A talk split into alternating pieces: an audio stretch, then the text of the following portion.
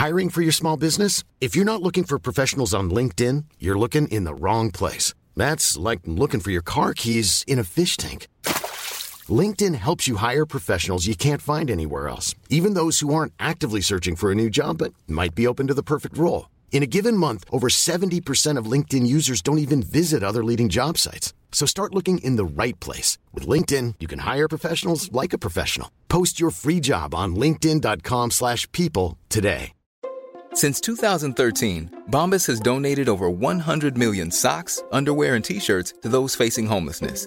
If we counted those on air, this ad would last over 1,157 days. But if we counted the time it takes to make a donation possible, it would take just a few clicks. Because every time you make a purchase, Bombas donates an item to someone who needs it. Go to bombas.com slash ACAST and use code ACAST for 20% off your first purchase. That's bombas.com slash ACAST, code ACAST. Hey, it's Ryan Reynolds, and I'm here with Keith, co star of my upcoming film, If, only in theaters, May 17th. Do you want to tell people the big news? All right, I'll do. Sign up now and you'll get unlimited for $15 a month in six months of Paramount Plus Essential Plan on us. Mintmobile.com slash switch. Upfront payment of $45 equivalent to $15 per month. Unlimited over 40 gigabytes per month. Face lower speeds. Videos at 480p. Active Mint customers by 531.24 get six months of Paramount Plus Essential Plan. Auto renews after six months. Offer ends May 31st, 2024. Separate Paramount Plus registration required. Terms and conditions apply if rated PG. Vi har ett samarbete med Läkarmissionen nu inför Mors dag. Och många av oss är ju mammor och när Mors dag närmar sig så tänker i alla fall jag lite extra på ynnesten av att få vara mamma. För det är verkligen inte alla som får det. Nej, och vi har ju pratat mycket om säkra förlossningar. Men det är för att det är en hjärtefråga för oss.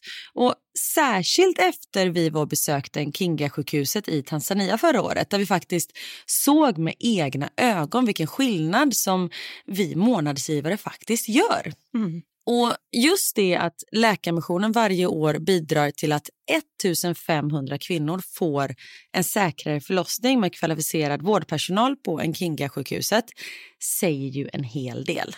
Ja, ja, men det var verkligen som att poletten trillade ner när vi var där. Och vi har tänkt jättemycket på just det, hur vi förmedlar det här till er. Alltså vilken skillnad man som månadsgivare faktiskt gör.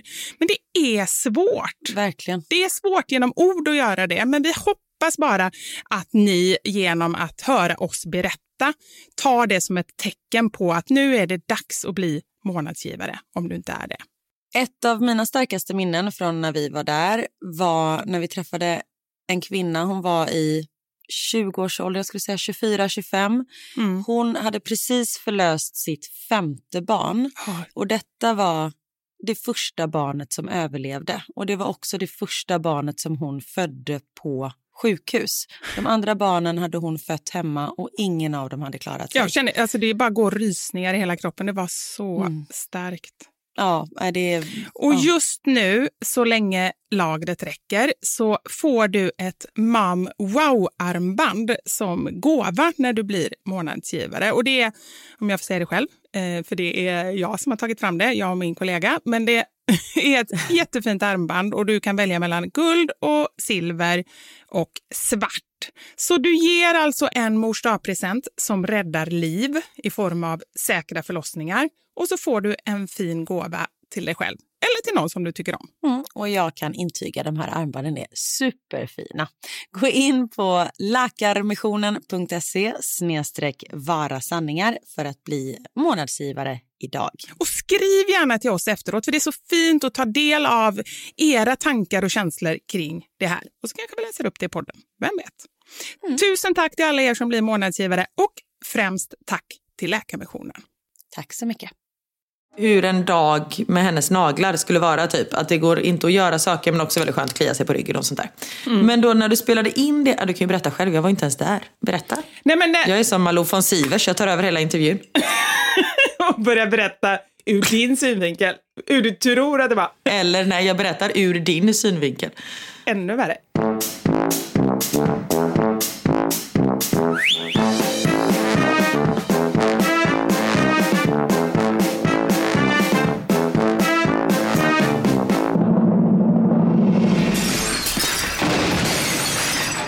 Våra sanningar. Med Vivi och Karin. Alltså vilken jäkla morgon jag har haft Karin. Ja, förra veckan var det jag. Den här veckan är det du. Ja, men skillnaden är att när du hade en hemsk morgon, då var det ju faktiskt grejer som på riktigt hände. Du sprang runt och det var massa så här, ja men du åkte i bilen och det regnade och det var sjukhus och allting. Mm. Allt som har hänt mig har ju bara hänt inombords. Och är lite mitt fel. Bara ditt fel skulle jag säga. Ja, jag vet.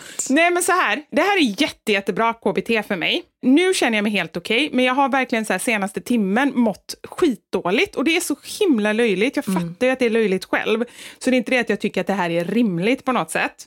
Det började med att när jag vaknade i morse, jag hade en plan för dagen. Jag skulle gå på Knuts eh, sångsamling i skolan där han ska presentera låtar.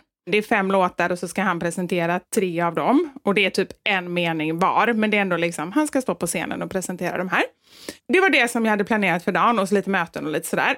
Vi brukar ju podda en annan dag, så att vi hade ju inte tänkt att podda. Men jag vaknar till ett sms från dig där du skriver att oh shit, jag ska till Frankrike imorgon. Kan du podda innan klockan 11? Varpå jag då känner, shit nu måste jag få ihop det här, hur ska det gå till? Och sångsamlingen och det ösregnade ute, ska jag ta tunnelbanan, ska jag ta bilen? Jag försökte liksom pussla. Och jag fick liksom inte riktigt ihop det. Samtidigt som jag känner, jag hade ju kunnat säga till dig, nej jag kan faktiskt inte. För jag menar, vi hade ju inte bestämt. Men jag tycker också det är Nej ganska... verkligen inte. Utan jag verkligen bara skrev, och jag skrev ju till dig klockan två i natt. Så jag skrev så här, kan du podda imorgon bitti? Det vill säga antagligen nu när du läser detta. Ja. ja.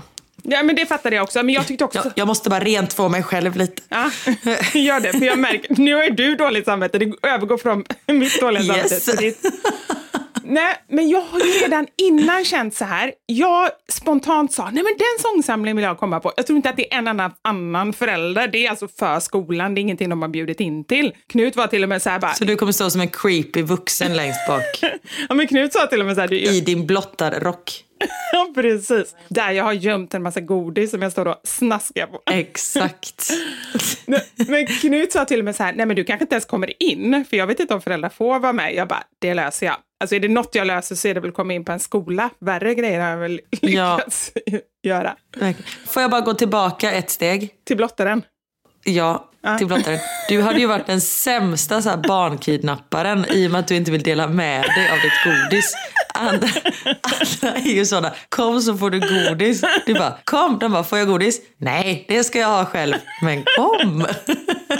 Precis, det skulle jag verkligen vara. Men jag skulle ha med Kjell. Det är han som ändå skulle lösa det för mig. ah, det är bra. För det, han är ju ändå gullig. Ja. Ja. Så jag skulle ändå klara det. Nu vet jag inte varför vi skulle kidnappa barn, men om man skulle vilja det. Ja. Vilket man absolut inte ska. Nu måste jag bara så här, det har inte hänt någonting nu de senaste dagarna va, som jag har missat. Så att vi trampar just på någon det. väldigt öm tå. Nej, ni fattar att vi skämtar och vi spårar och sånt där. Ja. Ja. Så, nu fick jag dåligt Eh. samvete för det också. Fan, du har smittat av det på mig. Precis, för det var ju det du sa i morse. Äh, jag får inte dåligt samvete, så fråga inte mig. Nej, exakt. Nej, men i alla fall. Förlåt. Du skulle inte komma in, men det skulle du lösa ändå. Det skulle jag lösa. Så att jag sa att jag skulle med på det här, det var liksom så här på mitt eget initiativ. Det var inte så här att Knut bara, kommer du? Utan han var så här, för jag frågade, vill du att jag ska komma? Äh, mig spelar det ingen roll. Han bryr sig inte om det.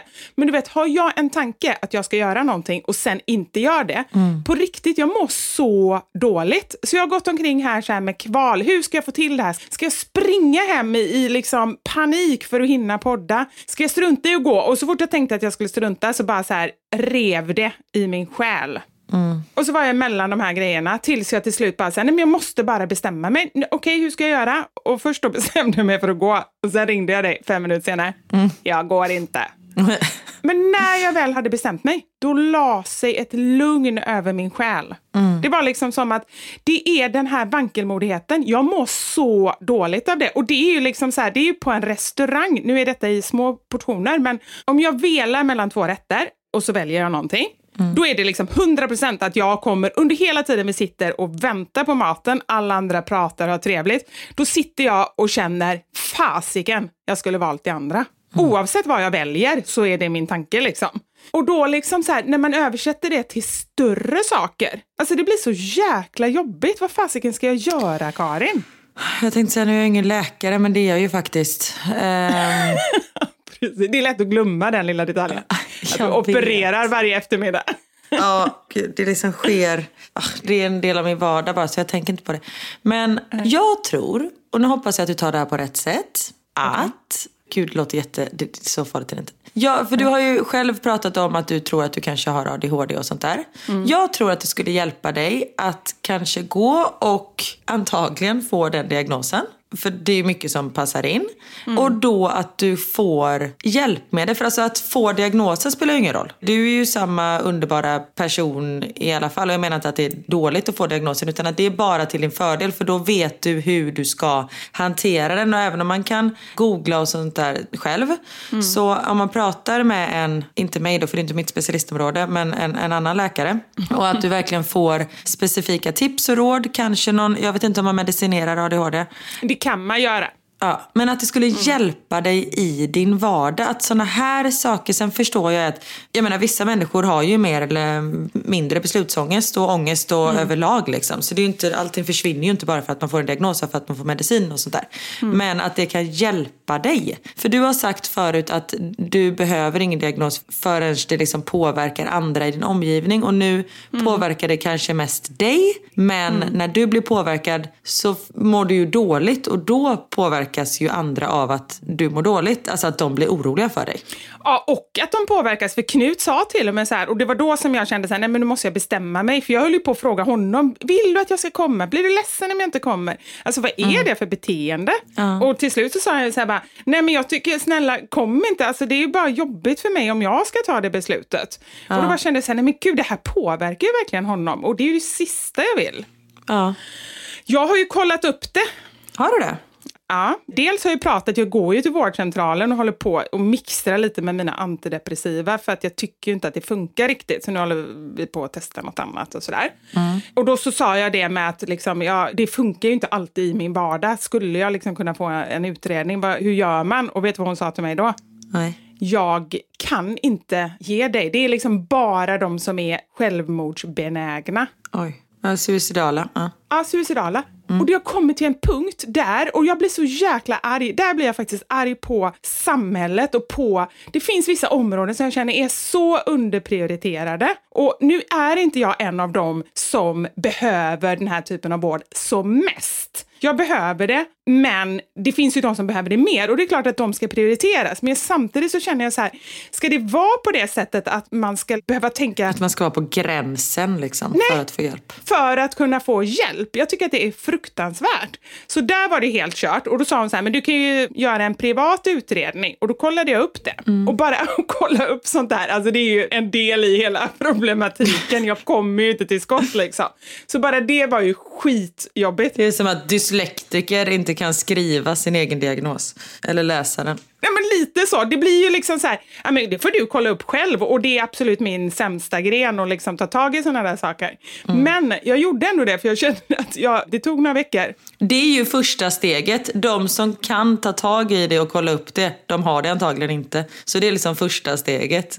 Ja, ja, men faktiskt lite så. Därför också är ju många, framförallt då som får en diagnos eh, när de är äldre, eller rättare sagt tvärtom, att man, man kommer aldrig dit för att man orkar liksom inte. Nej, precis. Det är så här, läkarnas första fråga. När de säger hur kom du till oss? Nej, men jag googlade. ah, okej. Då kan jag avskriva dig direkt. eh, För du har antagligen inte ADHD eftersom du lyckades googla dig fram till det här. Ja, men i så fall har inte jag ADHD, jag är grym på att googla. Sen att gå från googlingen till handling, där. Ja, okej. Där Det är där det skiljer sig. Ja. Men jag ringde i alla fall och fick tag i dem och då sa de det, ja men du kan eh, sätta upp det här, det kostar 35 000. Och då känner jag så här, ja men eller hur, 35 000 för att få en diagnos. Då blir jag så här, ja men, ja. Jag bara tycker att det är sjukt, samhället är sjukt när det ska vara så. Och det är ingenting som går på försäkringen? Ingenting, man får betala det själv i så fall. Det är ju många som gör det nu och kanske skulle det vara ändå värt för mig. Men bara det faktum, liksom, det är så sjukt mycket pengar. Ja, men det är hur mycket pengar som helst. Nej. Ja, så där är jag nu i alla fall.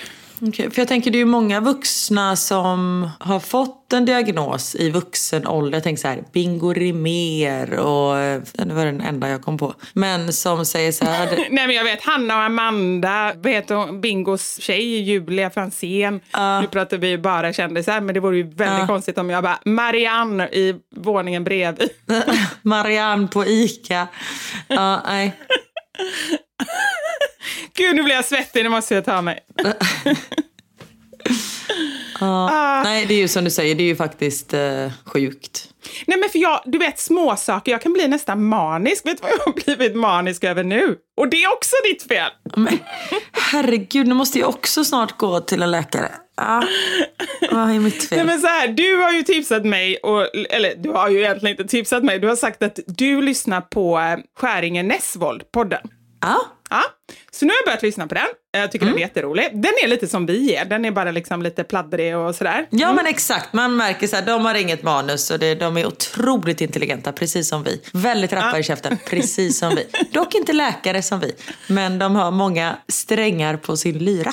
Exakt så. Men i alla fall, och då berättade ju han, Hampus, att eh, jag är inne på den här brandincidenten när, när Ja. de upplevde att det luktade brand och sprang in till grannarna och trodde att det brann hos grannarna. Och sen visade det sig att de hade lagt en kökshandduk på ett värmeljus så det var inne Yes. hos dem själva. Så när de stod hos grannarna och bara brinner det kanske inne hos er? Då kommer då hans tjej ut och skriker det är hos oss det brinner! och så blev det lite konstigt. Men du vet, jag har blivit helt manisk nu att det ska börja brinna här. Och jag har ju nej. aldrig tänkt tanken. Så nu igår kväll, innan vi skulle sova, då hade jag en brandövning med barnen. Oj, hur gick den? Har ni så här uppsamlingsplats och sånt ute på gården? På gården i inomhus. Jag vill bara, vi bor, Ja, det är jättedumt. Nej, det är skitbra. Vi bor ju på fjärde våningen. Alltså man måste ju ha planerat sånt där. Sånt Ja, här verkligen. kanske andra har planerat. Men då är det nog kanske under lite mer sansade former där man tänker och sen så gör man en handling. För mig, jag kom på detta Du körde mitt i natten. Ja, men nästan. Jag kom på det och fick sån sjuk ångest. Stövlade upp, in i deras rum, en och en, drog bort borden för att visa hur man öppnar fönstret och visa hur de skulle krypa ut på eh, så här, takavsatsen Nej, men- till... Men till balkongen då? Men där är ju jättedumt att vara. Nej men lyssna. Det, det är en tvåstegsraket, möjligtvis Oj. tre steg. Ja. Till balkongen, där jag då sen, innan jag skulle somna, när Anders hade somnat, då låg jag och googlade brandstegar. Och jag tror du stod och höll på att vika ihop lakan. Som säger björnligan. Det hade kunnat vara så. Men jag kände bara så här, nej men vi ska ha brandstegar och då är frågan, då frågar jag dig i, eh, med tanke på att du också är brandexpert. Ja, så undrar jag, vi bor typ, vad kan det vara? Jag måste ju mäta också hur långt det är ner, hur gör man det? Eh, med laser. Åh men fasiken, du är brandexpert. Ja, gud vad obehagligt. Eftersom jag vet att man ska mäta med laser. Brandexpert. Vänta. Helt plötsligt stängdes dörren och jag är ensam hemma. Det här är svinobehagligt. Vänta lite, jag måste gå ut. Vilken dörr? Ytterdörren? Hallå? Ja, du är hemma. Ja, bra. Shit, det var Elmer. Just det, den låter ju när ni... eh, Den har ju en liten signal va? Nej? Ytterdörren ja, men det här var ju, jag poddar ju i Knuts rum och helt plötsligt så öppnas dörren till Knuts rum. Jag står och tittar ut genom fönstret och jag bara ser i, liksom jag känner bara bakom mig att dörren öppnas. Och jag är ensam hemma, vad jag trodde, men det, Elmer var tydligen hemma. Ja. ja, men du tar en laser och mäter hur långt det är. Ja, jag läser. Okej. Ja, då har jag två alternativ. Det ena är då att köpa en repstege ner, men då måste jag välja ADHD-utredning eller repstege, för den var svindyr. Så då får jag se, vad är viktigast? Att alla överlever eller, eller egentligen, det, båda handlar ju om att alla ska överleva. Ja, faktiskt. Ja. Och jag tänker att det är oftare du använder din hjärna, eller ja, det är väl kanske relativt, än att du använder repstegen. Det är sant, men om jag behöver använda repstegen, då är det å andra sidan kris. Ja. Okej, det är den. Eller så får jag skaffa en så här, teleskopstege som är ihopfällbar som jag bara likt Batman liksom slidar upp. Trsch. ja. Ja, exakt. Och då får alla klättra upp på taket. Sen vet jag inte vad man ska göra där uppe. Ja, jag tänker att de kan väl klättra ner någon annanstans där det inte brinner. Varför ska man klättra upp på taket? Varför kan du inte fälla den neråt? Nej, men då måste den vara svinlång. Det går ju inte. Alltså, vi bor ju liksom, låt säga 15 meter upp. Upp på taket är två meter, eller en och en halv. Eller en och en halv kan det ju inte vara. Ja, men det är väl jättedumt. Det brinner ju uppåt. Jo, men då kan man gå på taket till en trappuppgång där det inte brinner och gå ner på någon annan terrass. Det är ju smidigare egentligen än att klättra från 15 meter. Just nu tycker jag att det smidigaste låter som lakanen. Jag tar tillbaka att det var en dålig idé. Ja, men då undrar jag, hur gör man? Ska jag bara ha lakan liggandes på balkongen i en stor hög, eller hur gör man? De är alltid redo. De ligger i, snyggt i en liten kista. Ja, det är inte... Men då får jag i så fall binda dem innan. Nej, ska, du ska inte ha lakan. Ja, för okej. annars kommer du glömma binda dem och så bara du så här, jag kastar ner lakanen och så bara du kastar ner och så de bara dunk rätt ner på innergården och så du bara, japp, jag glömde sätta fast dem. Nej, det kommer sluta med att jag bara, okej, här har ni varsin fallskärm. De får använda dem som fallskärm. Och det är bra. Ja, då singlar man ner liksom. Ja, men du förstår ju vilka problem jag har. Och det här, det här kanske är helt normalt. Att man liksom så här, men jag känner själv att det känns inte normalt att få såna liksom maniska sjok. Nej, men jag tror just sådana saker är nog normala. Jag har planerat lite här också. Så här, men hur ska man göra? Kan man hoppa ner från taket? Men jag har inte tagit det så långt att jag har googlat liksom, björnligans bästa tips på att fira ner sig från ett fönster. Nej. Men samtidigt som vissa saker är ju jättebra att du har kollat upp. Nu har du ju en plan. Eller du har inte fullföljt den än. Men du har en tanke. Du har tänkt på det och det är jättebra. Jag är ju livrädd för eld. Jag är alltid så när jag kommer in på ett ställe, det första jag tittar efter är brandutgångar. Det är som på flyget, att jag räknar stolar. Vet du vad jag tänkte säga? Jag säger som Knut säger typ i varannan mening nu för tiden. No shit Sherlock. Ja. Nej men du vet varför va? Nej. Jag bara tänkte att du var orolig av det, alltså typ som på flyget, att du liksom är förberedd och strategisk, men det var inte det. Nej, nej jag, eh, branden i Backa 97 var det va? 98? När var det? 98, 99? Ja. Någonting så, jag vet inte. Ja. Ja, jag och en kompis skulle gå dit. Men hon började bråka med sin eh, mamma så hon fick inte gå ut. Och därför fick vi stanna hemma. Det hade jag ingen aning om. Hade du inte? Nej. Nej. Så efter det så är jag bara så här, shit, det var en mening att jag inte skulle gå dit och nu måste jag liksom ta vara på det om man säger så. Ja, och det är ju bra att få, alltså man ska ju inte bli så rädd så att man blir liksom manisk, men man ska ha respekt för eld och det har jag inte haft. Jag menar, jag har ju brunnit. Alltså, inte... Ja, nej, det blev jättekonstigt, men jag har... Nej men hela mitt hår började brinna när jag liksom, du vet, hade en hög tofs på huvudet och satt och käkade med barnen och så skulle, gjorde jag väl någon konstig rörelse framåt varpå jag kände hur det liksom, det luktade väldigt speciellt. Jag kan inte ens beskriva den lukten. Ja, men så här, bränt hår är ju en speciell doft alltså. Ja, du vet vad det är. För jag har aldrig känt det varken innan eller efter. Men jag bara kände så här, vad är det här? Det var så jäkla intensivt. Man har luntat sitt eget hår. Ja, ja, det är jätteäckligt. Lunta, du vet att det är göteborgskt va? Ja, det kanske inte är internationellt tänkte jag säga. Nej. Nationellt ord. Nej. Lunta. Det är när man fjuttar eld på lite saker. Ja, vi luntade sig i skolan. Det är så sjuk grej att göra. Eller vi, jag var ju den ordningsamma. Men några i min klass gick bakom skolan och bara satte eld på grejer. Det är ju bara konstigt. Ja, men en kompis till mig luntade i skogen och anordnade, eller anordnade, det var ju fel, anlade. Och han fick inte släkt på elden så det blev en stor skogsbrand. Nej. Jo. Nej, men det kan ju verkligen bli. Det är ju det. Förstår du då att jag håller på med de här? Nu är det lakan. Jag vill också säga att ingen människa kom till skada och det löste sig. Men det blev liksom stor grej. Mm. Äh, shit. Nej men vad, hur fick du släkt på elden då? I håret? Nej, det, barnen började skrika. Allt gick så sjukt snabbt och då fattade jag att det var någonting. Så då bara började jag slå på huvudet och sen sprang jag allt vad jag kunde till vattenkranen och bara liksom körde över hela håret. Och sen blev det ju lite kort här och var och, och lite här framme i, i luggen liksom. Ja. Men där är ju en sån sak, det är därför man ska planera som du säger så att det sker per automatik. Det är samma sak om det börjar brinna i en stekpanna. Då hade jag ju, jag hade slängt den i diskon och spolat vatten på. Sämsta man kan göra om det är liksom olja. Då ska man kväva elden. Men att, och samma sak om så här, med hjärt och lungräddning. Att man ska bara träna på det så att det sitter automatiskt i kroppen. För i en paniksituation, då agerar man inte som man gör om man inte är i panik. Nej.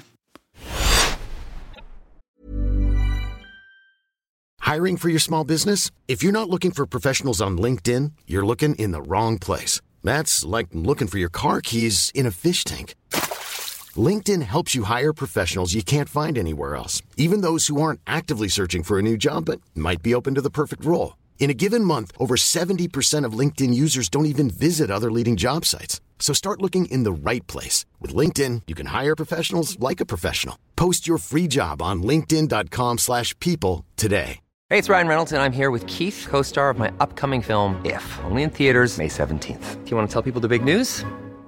All right, I'll do it. Sign up now and you'll get unlimited for $15 a month in six months of Paramount Plus Essential Plan on us. Mintmobile.com slash switch. Upfront payment of $45 equivalent to $15 per month. Unlimited over 40 gigabytes per month. Face lower speeds. Videos at 480p. Active Mint customers by 531.24 get six months of Paramount Plus Essential Plan. Auto renews after six months. Offer ends May 31st, 2024. Separate Paramount Plus registration required. Terms and conditions apply if rated PG.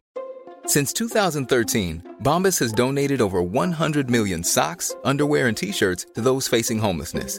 If we counted those on air, this ad would last over 1,157 days. But if we counted the time it takes to make a donation possible, it would take just a few clicks. Because every time you make a purchase, Bombas donates an item to someone who needs it.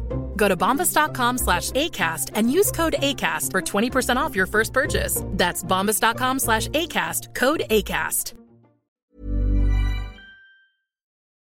Vi har ett betalt samarbete med Lexus som nu har tagit fram bilar efter personligheter. För våra bilar är ju några av de personliga ägodelar som de flesta av oss spenderar väldigt mycket tid i. Och jag är så glad över det här samarbetet för Lexus det är ju ett av mina favoritbilmärken. Jag visste faktiskt det, för du har pratat om det mer än en gång kan jag säga. Jajamensan. Och jag spenderar ju väldigt mycket tid i min bil. För det första tycker jag väldigt mycket om att köra bil men jag sitter ofta med barnen i bilen. Då är jag den som liksom skjutsar runt dem till olika aktiviteter och sånt där. Och jag älskar att sova i bilen. Alltså det finns inget ställe som jag somnar så gott Inte när du kör förhoppningsvis. Och då kan jag ju säga att jag inte kör då. Nej, precis. Och det finns ju en trend där man visar upp det som man har i sin handväska. Så här, what's in my handbag. Men det man har med sig i sin bil, det är ju lika viktigt Verkligen. egentligen. Och det är ju också en del av ens personlighet. Så Lexus, de har krokat arm med podden Dumma människor där psykologen Björn Hedensjö och Lina Thomsgård ska avslöja vad det vi har i våra bilar faktiskt säger om just våra personligheter. Så jag tänker att Karin, du får börja berätta. Vad har du i din bil? Okej, vi har en bil i vår familj och hade det inte varit så att jag och min make delade bil så tror jag att det här hade sett lite olika ut. För Niklas är väldigt ordentlig och liksom går och hans om han fick välja hur han skulle spendera sin söndag skulle det vara på biltvätten för han älskar att liksom ta hand om vår bil. Jag är inte riktigt lika ordentlig men eh, i och med att vi delar bil så det som jag alltid har med mig i bilen nu det är en flaska vatten. Jag har med mig mobilladdare och tuggummi. Och även ibland så kan jag ha med mig hela min sminknecessär om det är så att jag ligger steget efter så det hinner jag liksom kasta på mig lite smink innan jag springer in på mötet när jag sitter på parkeringen och så. Men oftast är det vattenflaska, mobilladdare och tuggummi. Du då? Det låter som att du är ganska samlad. Jag blir inte så förvånad över ditt in- innehåll. Nej men som sagt det skulle nog se annorlunda ut om jag hade en egen bil. Okej. Jag har alltid med mig de tre. Oj. Kaffe, kudde och choklad. Nej. Jag fick inte till det riktigt där i slutet, men jag tyckte att det passade bra ändå. Ja. Nej men så här, när jag åker, nu pratar vi om lite längre resor, typ när vi ska åka till landet. Då har jag alltid en termosmugg med kaffe. Jättestarkt kaffe, för det är det enda jag dricker. Sen har jag en stor chokladkaka och eh, när det inte är sommar så funkar det bättre än när det är sommar om man säger så. Annars får jag så klippa en liten del på kanten och typ suga i med Som choklad, nötkräm. chokladen. Och sen så kudden. När jag då har ätit upp allt det här, ätit och druckit, då tar jag fram kudden och sen så sover jag ända tills jag är framme. Där har vi min bil. Det låter ju magiskt.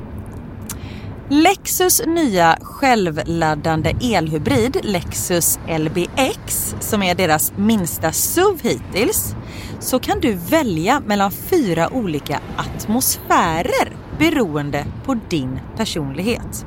Det finns elegant, relax, emotion och cool.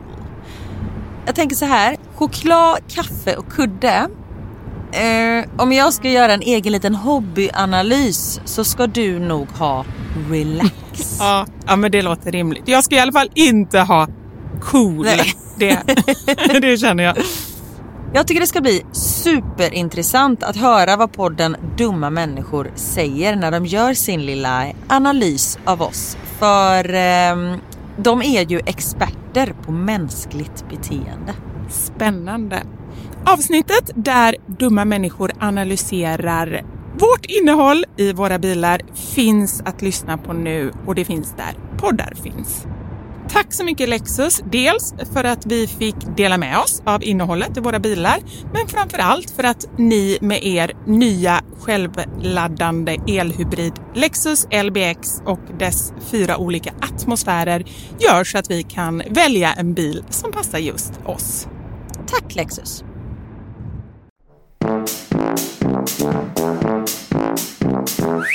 Och sen är ju, vissa är ju som du. Du är ju liksom, som du säger i alla fall, liksom lugn och balanserad och kan hantera det ganska bra. Jag tror på riktigt att jag, eller risken är stor, jag vet ju inte, men att jag bara skulle så här frysa till is och typ inte kunna andas och bara vara helt stel och inte liksom... Jag kände redan innan, men jag berättade ju om någon gång när jag trodde att någon skulle hoppa på mig.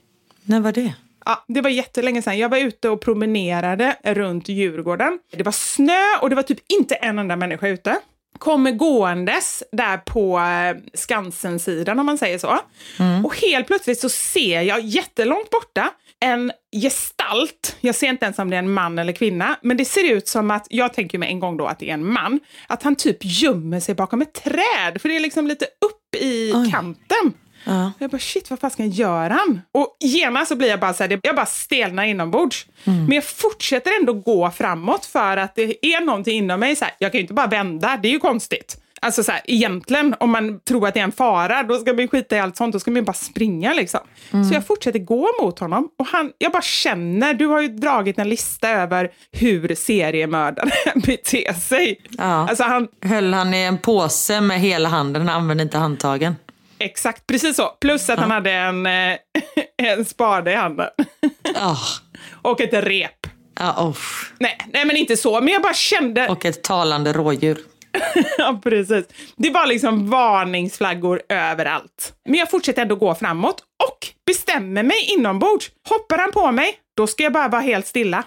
Men okej, varför då? Jag vet, det är jättekonstigt för att jag bara, så här, jag bara känner så här, eller bestämmer kanske är fel, jag bara kände i varje fiber att gör han någonting nu, jag kommer inte göra motstånd. Jag gick inte in i det här du vet, fight-modet som kanske många skulle göra, eller bara jag skulle göra vad som helst, jag skulle skrika. Men man kan ju fight or flight. Ja. Men jag bara kände så här, nej jag kommer bara ligga där och bli mördad. Och sen kanske, jag menar, nu hände han bara, säkert bara en vanlig svampplockare tänkte jag säga. Det var typ i december. Men eh, han gjorde ju ingenting. Men jag gick ju igenom alla de här grejerna i huvudet och då insåg att förmodligen så kommer jag inte att kämpa emot. Och det var en hemsk insikt.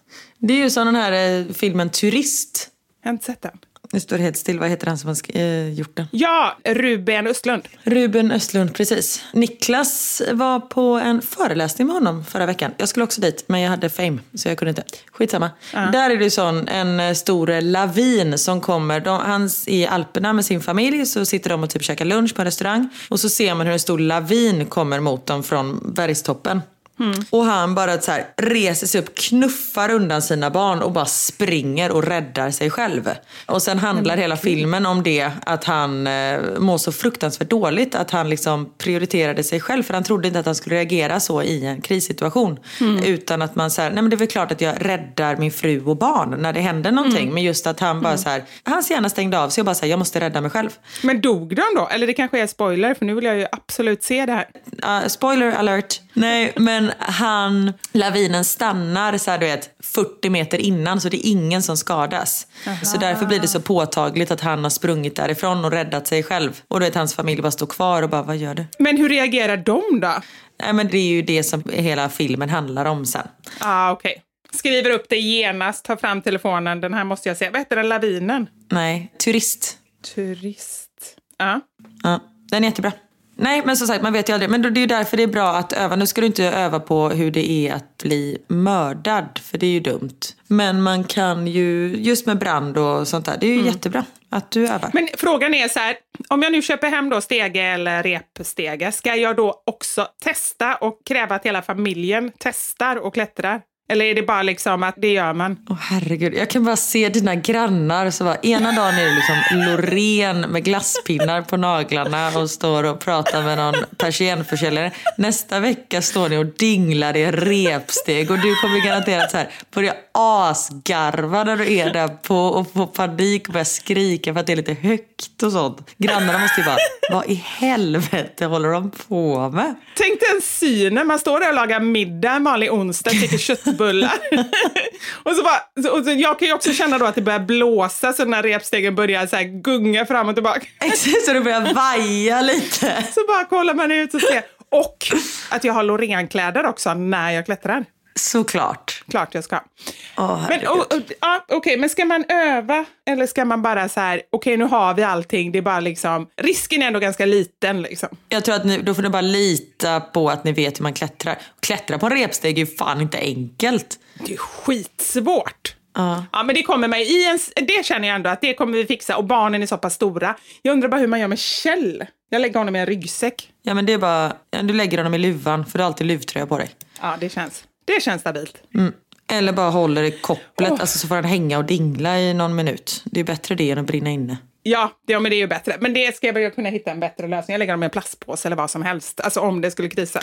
Men jag tänker, finns det ingen rolig så här rutschkana som man kan köpa? Du vet, sånt som man har på flygplan som man rullar ut som blåses upp. Kan man inte ha någon sån på balkongen? Det hade man nog kunnat, men inte när vi har bott så högt upp. Alltså du vet, det fallet som blir ner, det är ju rakt ner i döden. Ja. Ja. Jag tänkte att det är rolig väg dit, men det är det ju inte heller. Ett roligt sätt att dö. Fun way to die.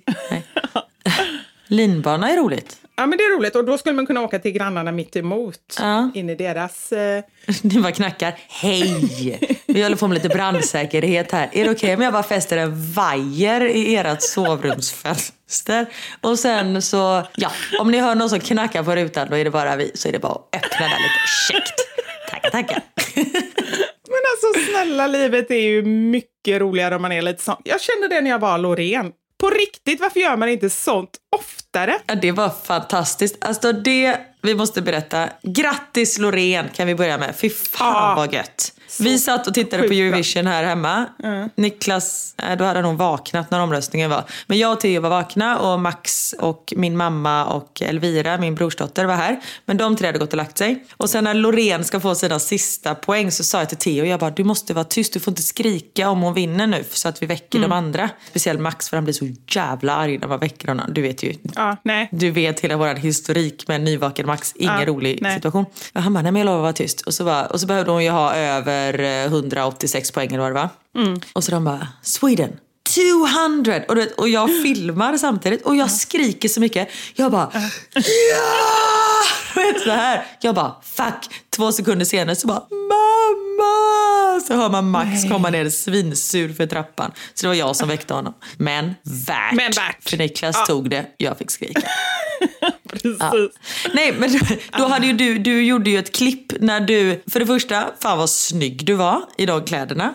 Eller hur? Ja, vad var det för sätt? Ja, det var från eh, Aftonbladet tänkte jag säga. Alltså vad, vad händer? Det är fel. Kappal. Kappal, skitsnyggt. Ja. men bruna, ett brunt set och sen så hade du en peruk på dig och sen så hade du, var det glasspinnar du hade satt på naglarna?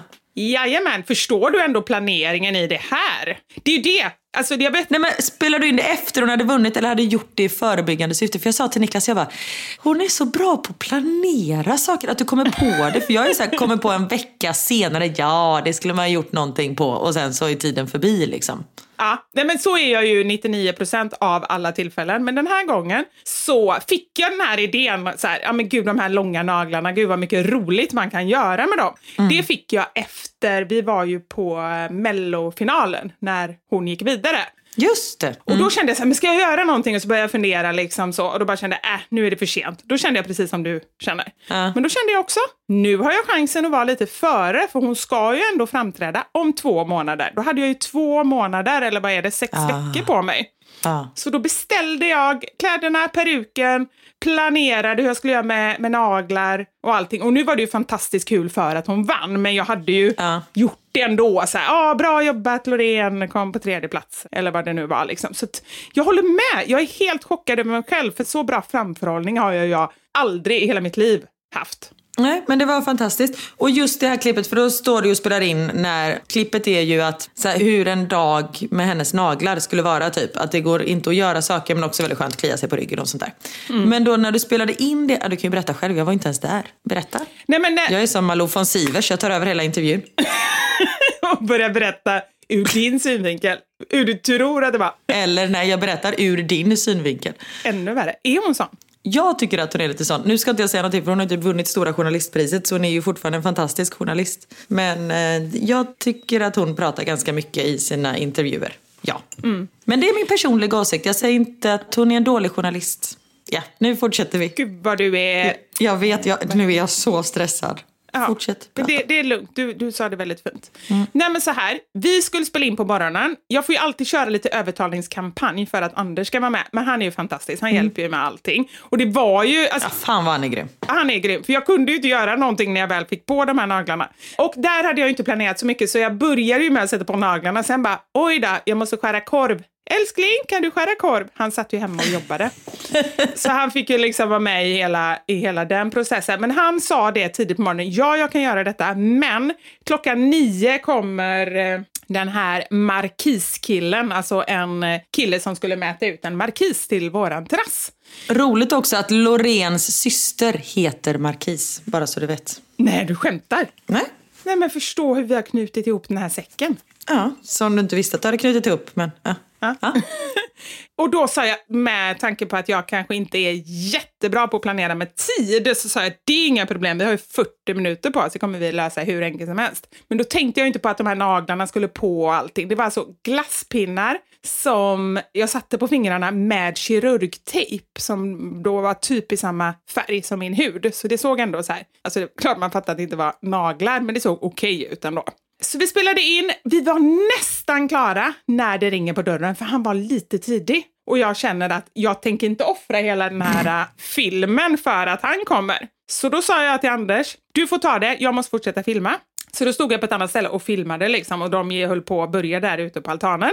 Men sen kände jag att jag måste ju också vara med och bestämma vad vi ska ha för markis. Såklart. Men jag var inte riktigt färdig med inspelningen. Så då kände jag att ja, han får väl ta mig eller Loreen som jag är. Så jag gick helt enkelt ut på terrassen. Men förklarade du någonting för honom eller bara du körde på? Nej, jag sa faktiskt, jag håller på att spela in en liten sketch. Men det roliga var att han var ju totalt liksom så här, det var inte att han skrattade, alltså så här att han bara oj, oj, vad konstigt, utan han var helt sjukt professionell. Han bara ja, ja, och så bara körde han på liksom. Vilket är nästan ännu värre för då känner man sig ännu dummare. Om han bara så här, ah, gud fan vad roligt, ha ha ha. Alltså gjort så, då hade man ju bara kunnat slappna av. Men när han bara, okej, står där och är helt neutral, då känner man sig ännu dummare. Fast jag gjorde inte det. Jag var så inne i min Loreen-roll så att jag, jag kände bara så här, det spelar ingen roll vad han hade gjort, jag hade bara kört på ändå. Så att vi stod där ute och valde och jag frågade och jag stod där, jag skulle peka i den här, det är ju så perfekt grej. Och just det, du pekar med den där långa naglarna. Alltså det är så jävla roligt. Du får nästan lägga upp det här igen på måndag så folk kan gå in Ja, på din story det. och titta.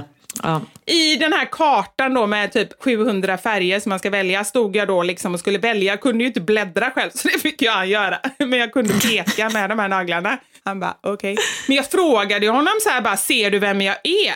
Och då han bara, han hade ju ingen aning. Jag bara, jag är Loreen. Haha. Det hade varit väldigt bra. Ser du vem jag är? Nej. Det är ju Vivi Wallin. Det är jag som har kontot Mammasanningar. Tittar du? Va? Va?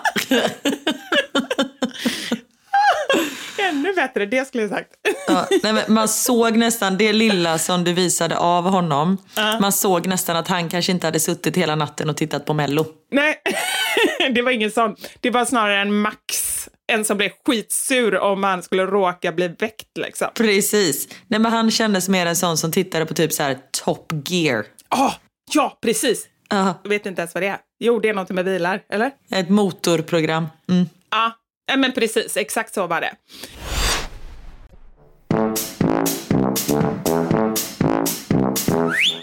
Men han, eh, han var professionell och väldigt trevlig och jag frågade såklart, så här, är det okej okay att jag filmar dig? Sen sa jag kanske inte i vilket sammanhang och hur ändå stort det skulle bli. Men han var väldigt, han sa jajamän, jag är stolt över det jag gör. Så att liksom, han var helt fin med det. Ja men gud vad bra. Du var perfekt, om du bara tar av dig kläderna så kan vi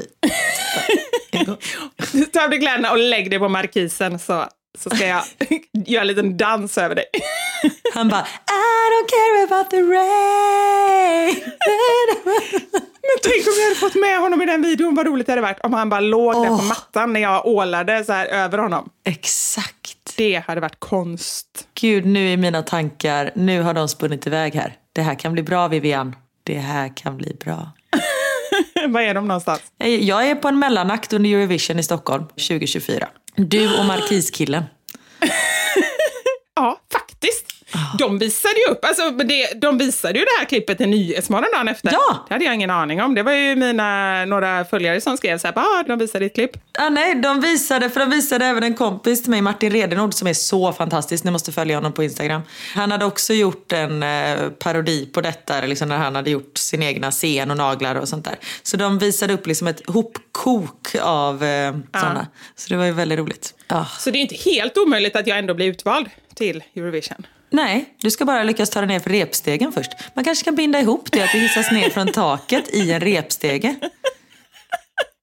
Ja, men där har vi det. Ja. Där har vi det. Om de, ja, det är, ju, är det på Friend, eller det vet vi inte ännu. Jag bara tänker om de har så långa repstegar. Jag börjar ju bli expert inom repstegeindustrin, men jag har liksom bara googlat upp till 18 meter. Ja, men cirkus, när de håller på att klättra upp för repstegar när de ska gå på lina och sånt, de är ju hur höga som helst. Det kanske är där jag ska köpa med repstegar, nu när du säger det. Släng med en clown när den ändå håller på.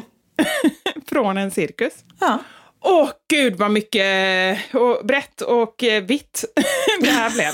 Vi har typ bara pratat om en grej under hela podden. Ja. Men ändå också om hundra grejer. Precis, men det är lite som, som vi är. Vi är all in one kan man säga. Ja. Jag vill också, jag måste ju säga det, jag sa det till dig innan. Åh oh, nej, gud, nu fick jag lite ont i magen.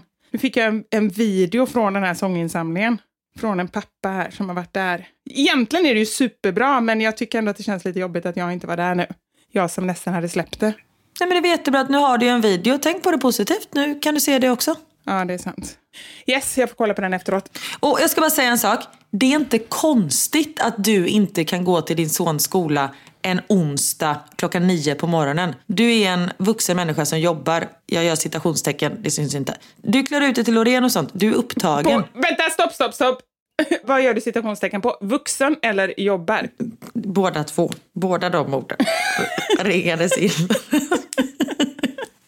Nej, men det är ju inte konstigt.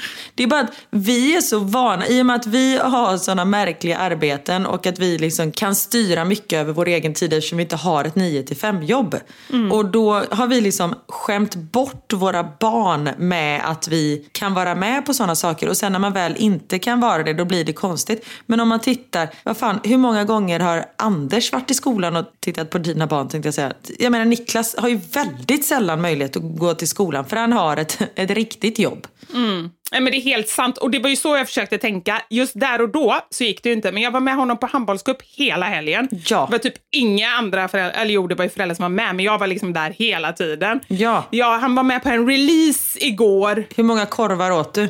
Jag åt bara en korv och sen efteråt kändes det lite så här, fasiken jag ändå var på handbolls... Eh, men den var så jäkla, eh, du vet, den var kokt. Jag gillar egentligen bara stekt korv. Så mm. den var liksom gummi, det är inte gott. Ja, jag fattar, när de har legat i det där korvspat i liksom 14 ja. timmar. Varför säger man klart som korvspad? Det där spadet är ju allt annat än klart. Men det har vi googlat någon gång. Alltså vi har pratat om det här och ja, jag tror säkert inte säkert, men jag tror att vi kom fram till att det började med att det var tvärtom. När man sa klart som korvspad, då var det otydligt någonting. Och sen helt plötsligt så, så ändrades det. Ja, skitsamma, du, skulle, du har fått så mycket fin respons, det var där vi var. Det var där vi var. Nej, men jag måste bara säga det. Jag tycker alltid att ni lyssnare och, och de som följer mig och sådär är så fantastiska. Jag får jättemycket fin feedback och det får ju du också, eller hur? Ja, verkligen. Men det här slår ju allt. Jag har fått så mycket fint och det som jag känner att jag är mest tacksam över Och tycker också såklart det är sorgligt, men det, det ger ändå en positiv liksom, eftersmak. Det är att, Har du sagt vad det handlar om? Jo men det har du va? Det, nu, vi har lämnat Loreen-videon kan jag säga. nej, det har jag inte. Det handlar inte om det.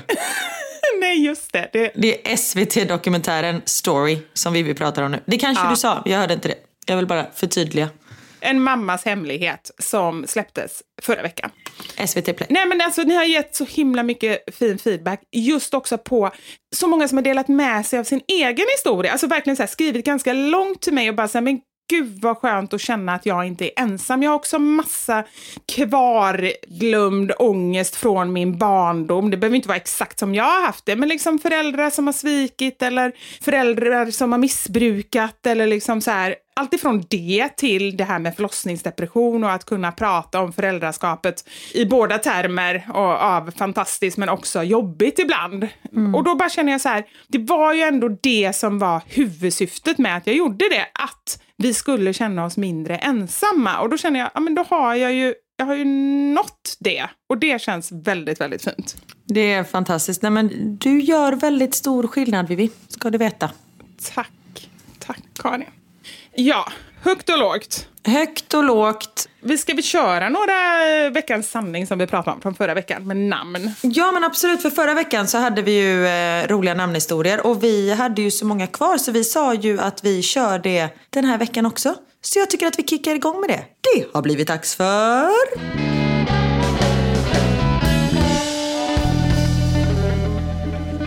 Veckans Sanning! Okej, ni har ju skickat in efteråt också från att vi körde förra veckan. Här är en som kom alldeles nyss. Jag lyssnar på veckans sanning om namn och kom att tänka på min traditionella farmor. En kusin skulle döpa sin son till Ian och min farmor tyckte det är ju inte svenskt nog.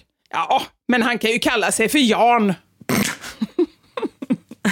Kanske inte det absolut snyggaste namnet, men ja, det tyckte hon. Nej, det är ju som... Vi hade ju Ebbe på namnlistan till om det var Theo eller Max, jag kommer inte ihåg. Och pappa var ju så här, Hebbe, vad är det? Nej, Ebba, vad är det för namn? Vi bara, nej men det är inte, det är inte Ebba, det är Ebbe. Hebbe, nej, Hebbe lille. Man bara, nej men nej. Det, men bara, okej det där kommer ju inte gå. Ja, nej men det är ju så. Vissa namn är ju svåra, men då får ju fasken bara lära sig. Mm. För åtta år sedan, då min son och min pappas första barnbarn kom till världen, blev det lite missförstånd med namnet. Jag meddelade min pappa att hans sonson skulle heta Malte Milio. Min mycket förundrade pappa, som är urfinsk och aldrig hört namnet förut, sa Va? Ska han heta Miljon? Oj, gud vilken dålig finska det där var. Jag, jag tar det. Jag tar det. nej, det var bra. Det var jätteroligt. Ska han heta Miljon i andra namn? Och efter några dagar frågade en släkting honom vad pojken skulle heta i förnamn. Besvärat muttrar han då. Jag tror det var Hamlet. Det var inte... Va? Vad har det med miljon att göra? Nej men Malte Miljon och sen fick han Hamlet. Nej det var bara för att han aldrig hade hört namnet. Ja okej. Ja, okej. Ja, herregud. Men så här var det ungefär faktiskt för mig också. Jag ska dra den här först och sen ska jag förklara min. Min faster hette Elisabeth, men alla har alltid sagt faster Bettan. Och jag var ganska gammal när jag förstod att det inte var hennes namn. Alltså bindestreck, typ som Britt-Marie, faster Bettan. Och så var det lite för mig också. Jag hade en sån här scrollandocka. Ja, men alltså hur fantastiska var inte de? Jo. Alltså det var ju när tekniken började närma sig det traditionella. Förstå hur avancerat man tyckte att det var. Att man satte in en skiva där bak, den kunde ju bara säga så här sex grejer kanske. Och allt gick ju i samma ordning. Och så kunde man byta skiva. Kommer du ihåg detta? Nej men jag hade inte en sån men jag vet vilken det är. Ja. Ja. Mamma, jag är hungrig. Alltså det var ju såna grejer. Jag hade en sån som jag hade fått från eh, min mormor. Och den döpte jag till mormor Daga. Och då, jag var, jag var inte jättegammal, men låt säga så här 6-7 år eller någonting. Nej, jag bara så här, det är ju inte det, jag fattar ju att en mormor var en mormor, men som jag reflekterade över att det är liksom mormor Daga, det är min mormor, hon hette Daga nämligen. Att det inte var ett helt liksom normalt namn. Att hon hette Daga och inte mormor Daga. Nej men precis, det var mormor Daga liksom. Det var som Ja. ett enda långt namn. Ja. Jobbade med en läkare, en trött småbarnsmamma som skulle ropa upp patientens namn i väntrummet. Men istället för namnet så ropade hon upp anledningen till varför patienten sökte. Så det vill säga, hon gick alltså ut i, hon gick ut i väntrummet och bara sömnbrist, analklåda. Men det måste ju bara vara en gång. Annars får hon fan sparken. Du är sämre läkare än vad vi är. Uh, när jag studerade och bodde i en uh, studentbostad så skulle jag hälsa på min nya granne av utländsk härkomst. Han sträcker fram handen och presenterar sig som Se min kuk. Oj. Se min kuk. Alltså S-E-M-I-N-C-U-K. Se min kuk. Jätteroligt. Det måste ju vara på skoj. Han måste ju driva med henne. Ja, det hoppas jag. Ja, skitsamma. Så var det. Jag hette Vedemalm innan jag gifte mig. Min farfar och hans syskon hittade på det, så det är bara vår släkt som heter det. Jag tyckte om mitt unika efternamn, men det var alltid lite jobbigt att ingen hörde vad jag sa. Jag fick alltid bokstavera. Jag fick ofta heta som Vedermalm, Vederman, Vedstrand med mera. Priset tog ändå när jag och min kompis skulle hyra film och mannen i kassan frågade flera gånger om mitt efternamn. Jag bokstaverade det säkert tre gånger för honom. Till slut tyckte han väl att det blev rätt. Det var bara det att han skrivit Lundgren. Det är liksom ett helt annat namn. Va? Vedemalm Lundgren. Men han måste ju vara så här, äh fuck it, jag tar ett som jag vet. Ole Roledoff, det här får det bli. Ja, precis. Vi bor i England. Jag trodde att mitt barns förskolekompis hette Your Highness. Det tog flera månader innan jag insåg att det var Johannes.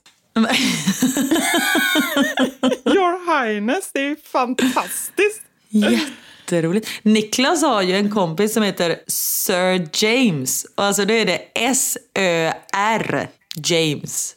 Nej men hallå, var inte han, du har inte han varit med i, det här känner jag igen, har inte han varit med i typ någon dokusåpa? Han var med i samma som Niklas. Han var med i Harem tillsammans med Niklas. Kommer du ihåg det? Jag känner igen det. Alltså när du säger det Sir James, det var så konstigt så att eh, det har fastnat. Det är få grejer som fastnar, men det har fastnat. Det är jätteroligt. Nej men nej, det är jättekonstigt att han sa bara S-Ö-R också. Ja, det är fantastiskt roligt. Och konstigt. Började spela innebandy när jag var nio år. I laget var vi enbart tjejer, förutom en kille som hette Christer. Han fick spela med oss. Såklart tänkte jag, alla får vara med. Tills den dagen jag nämnde Christer vid namn och han säger, vad sa du? Christer? Nej, jag heter inte Christer. Jag heter Kristel. Trodde du att jag var en kille? Det hör också till sanningen att Kristel hade kort, kort hår och ganska mörk röst och då trodde jag ju, nioåriga jag, att det var en kille med i vårt lag. Men oj, jag har aldrig skämt så mycket i hela mitt nioåriga liv. Tack för en fantastisk podd. Ha det gött. Hej! Alltså det är jätteroligt. Nej men Kristel. När jag var liten så skulle vi åka och hälsa på några bekanta till mina föräldrar. Mamma berättade att de hette Karina och Björn. Då svarade jag, vadå Nallebjörn? Nej, bara Björn, svarade mamma. Efter det kallade jag honom bara Björn. Jag trodde länge att min farbror kallades för Ans-Åke. Inte så konstigt då hans fru hette Ann. Sen lärde jag mig läsa och såg ett grattiskort att det stod Hans-Åke. Hans-Åke. Nej men snälla. Jag hade en engelsklärare i skolan som kom fram och frågade om jag ville ha en Fis-Herman. Jag fattade ingenting tills han sträckte fram Fisherman Friends. Nej men gud. Min pappa heter Sölve. Och det var för att farfar glömt bort namnet när han cyklade till prästen. Han minns bara att det var något fult, så han tog det fulaste han kom på. Han skulle egentligen heta Gillis. Hade velat höra hur farmor tog det här. Men de hade tio barn, så lite svinn. Vad blev det? Sölve? Sölve. Det var ett av de konstigaste namn jag hört. Det är jätteroligt att han bara, "Äh, det var något fult. Vi tar det här. Och inte då väljer någonting man tycker är fint, utan något man tycker är fult. Nej, exakt. Det kommer på det fulaste. Man inte- Sölve. Ja, det Ja, kanske herregud. det var ett annorlunda namn. Min kompis eh, skrev in, jag vet inte historien helt, men jag vet att hon har berättat den innan. Det var en familj som kom till Sverige för första gången. De skulle flytta till Sverige.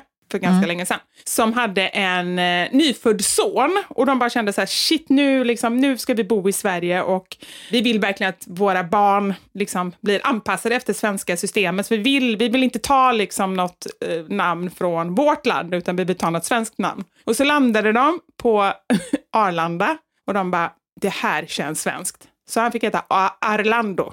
Men shit, ja, det var ju allt annat än svenskt, men det var coolt. Det var coolt, ja precis. Och det tog ju ganska lång tid innan de insåg så här, det här var inte så svenskt. Så sen blev det nästa barn fick heta någon sån här typ Lars-Åke. Kanske inte, Sölve. men något väldigt så. Sölv, precis. Kompisar som fick barn. Mamma ville att bebisen skulle heta Bobo och pappan ville att han skulle heta Glenn. De slog ihop det, så nu heter han Bobo Glenn. Nej men då får det ju bli Glenn Bobo. De kan ju inte ändra nu. Håller du inte med mig? Bobo Glenn? Nej, det fattar jag väl. Men om du, om du ändå ska sätta ihop de namnen, hur skulle du säga? Glenn Bobo eller Bobo Glenn? Bobo Glenn är ju svingött att säga. Bobo Glenn. jag tycker det blev helt så här. Man ska sätta ihop någonting så bara tar man helt tvärtom liksom. Bobo Glenn. Det är jättehärligt. Ja, herregud. Ja, nej, men nu måste jag fortsätta här med mina, min brandövning. Med din ångest. Till nästa se. Ja, nu fick jag faktiskt lite när jag fick den här videon. Jag måste, ska jag kolla på den och se hur det känns? Jag är med dig. Ja, men du får vara med mig nu. Och så, nu tittar jag bara. Vänta lite. Ja, nej, men jag är med dig. Vi är alla med dig. Ja, tack. Oj. Älskling, han var jättefin. Ja. Ja, men det kändes ändå... Nu känns det bättre. Ja, nu Ja. känns det bättre. Mm. Ja, men som jag säger hela tiden, det är väl därför jag kan säga de här grejerna när jag pratar till alla föräldrar. Liksom att ni duger som ni är. Jag har ju kommit en jättelång bit på min resa för att innan kände jag ju mycket, mycket mer så här. Men nu går jag ju tillbaka ibland, men jag kan också komma ur det liksom. Men, det, ja, men det känns bra. Gud vad bra. Jag fick se det och eh, ja, jag finns för honom och han vet det. Men det är klart, och det vet han. Det vet han. Ja, det vet han. Ja. Men tack eh, för den här terapiveckan. Ja men tack så mycket. Faktura kommer på posten. Är du dyr, måste fråga? Ja, men jag är nog ganska dyr. För jag är, Ja, det är för det första utbildad i de flesta områden om man säger så. Men sen också att jag kommer ju med en brutal ärlighet som ändå är inbäddad i lite bomull. Ja, ja men det gör du. Men ändå hoppas ändå ärligt, för att jag vill inte ha någon jävla fallskärm här. Nej, nej, nej, nej, nej. Nej, inga lakan ut för fönstret. Nej, men här är det, du har en repstege, den går rätt ner men du kommer ner säkert förhoppningsvis. Ja, Ja, precis. Förhoppningsvis en liten brasklapp där. Men sen tänker jag också att du kan ju också salta din faktura med tanke på att du kan ju också skriva psykolog, läkare, Precis. brandexpert. Alltså du kan ju få med allihopa. Så får du betala, jag får betala liksom ett arvode för varje expertis. Ja, men nu har jag ju hjälpt dig på liksom, med fem olika punkter idag. Så då slipper du ju Ja. gå till många olika personer för det är ju ändå en liksom, startavgift också ofta. En bokningsavgift. Och det behöver du ju inte när du kommer till mig eftersom jag är all in one. Underbart. Jag slipper till och med det här 35 000. För det, jag kör dig istället helt enkelt. Ja. Nästa vecka så kanske det är eh, min tur att få lite hjälp. Vem vet? Ja, vet du redan nu vad du kommer... Du ska åka till Frankrike, du vet, med familjen, så du vet redan nu att du kommer få psykbryt. Exakt. Jag ska sitta i fem dagar i en bil tillsammans med min älskade familj. Så det kommer nog finnas ett och annat att prata om. Vi ska köra Frankrikes västkust här i några dagar. Åh, vad mysigt. Jag har ingen aning vad som finns på västkusten. Men det låter, det låter som att det finns... Eh, Nej, men det är Normandie och allt det här. Och det roliga är, jag satt och liksom googlade hotell till två på natten. Och så nu på morgonen, jag bara Niklas har hittat ett jättefint slott som vi kan bo på. dit." Han bara, men det var ju det jag bokade till torsdag natt. Jag bara, Jaha. Och då har liksom suttit i fem timmar och googlat och kommit fram till att det Niklas har bokat en annan dag är det perfekta. Så det är ju skönt. Det är ändå härligt. Jag googlar brandstegar och du googlar slott. Det säger lite Ja. om våra liv. Åh gud. Men ha det så bra hörni. Och ehm, ja, om ni har tittat, spoiler alert, semifinal i Mästerkocken. Ja, alltså du är, du är fantastisk. Ja, det är jag faktiskt. Nästa vecka ska vi prata hela avsnittet om, eh, om din framfart här i, på den svenska gastronomiska kockhimlen. Tycker jag låter som en ypperlig idé hörni. Så håll till godo, nästa vecka ska det handla om Karin da Silvas framgång. Vi hörs då. Ha det bra. Ha det gött! Puss och kram! Hej!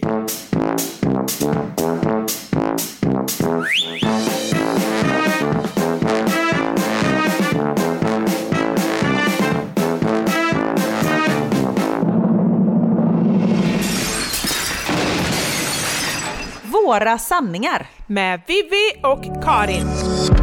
Thank you for listening to this Polpo original. You've been amazing. Even when we're on a budget, we still deserve nice things. Quince is a place to scoop up stunning high-end goods for 50 to 80% less than similar brands. They have buttery soft cashmere sweaters starting at $50, luxurious Italian leather bags, and so much more. Plus, Quince only works with factories that use safe, ethical, and responsible manufacturing. Get the high-end goods you'll love without the high price tag with Quince. Go to quince.com/style for free shipping and 365-day returns.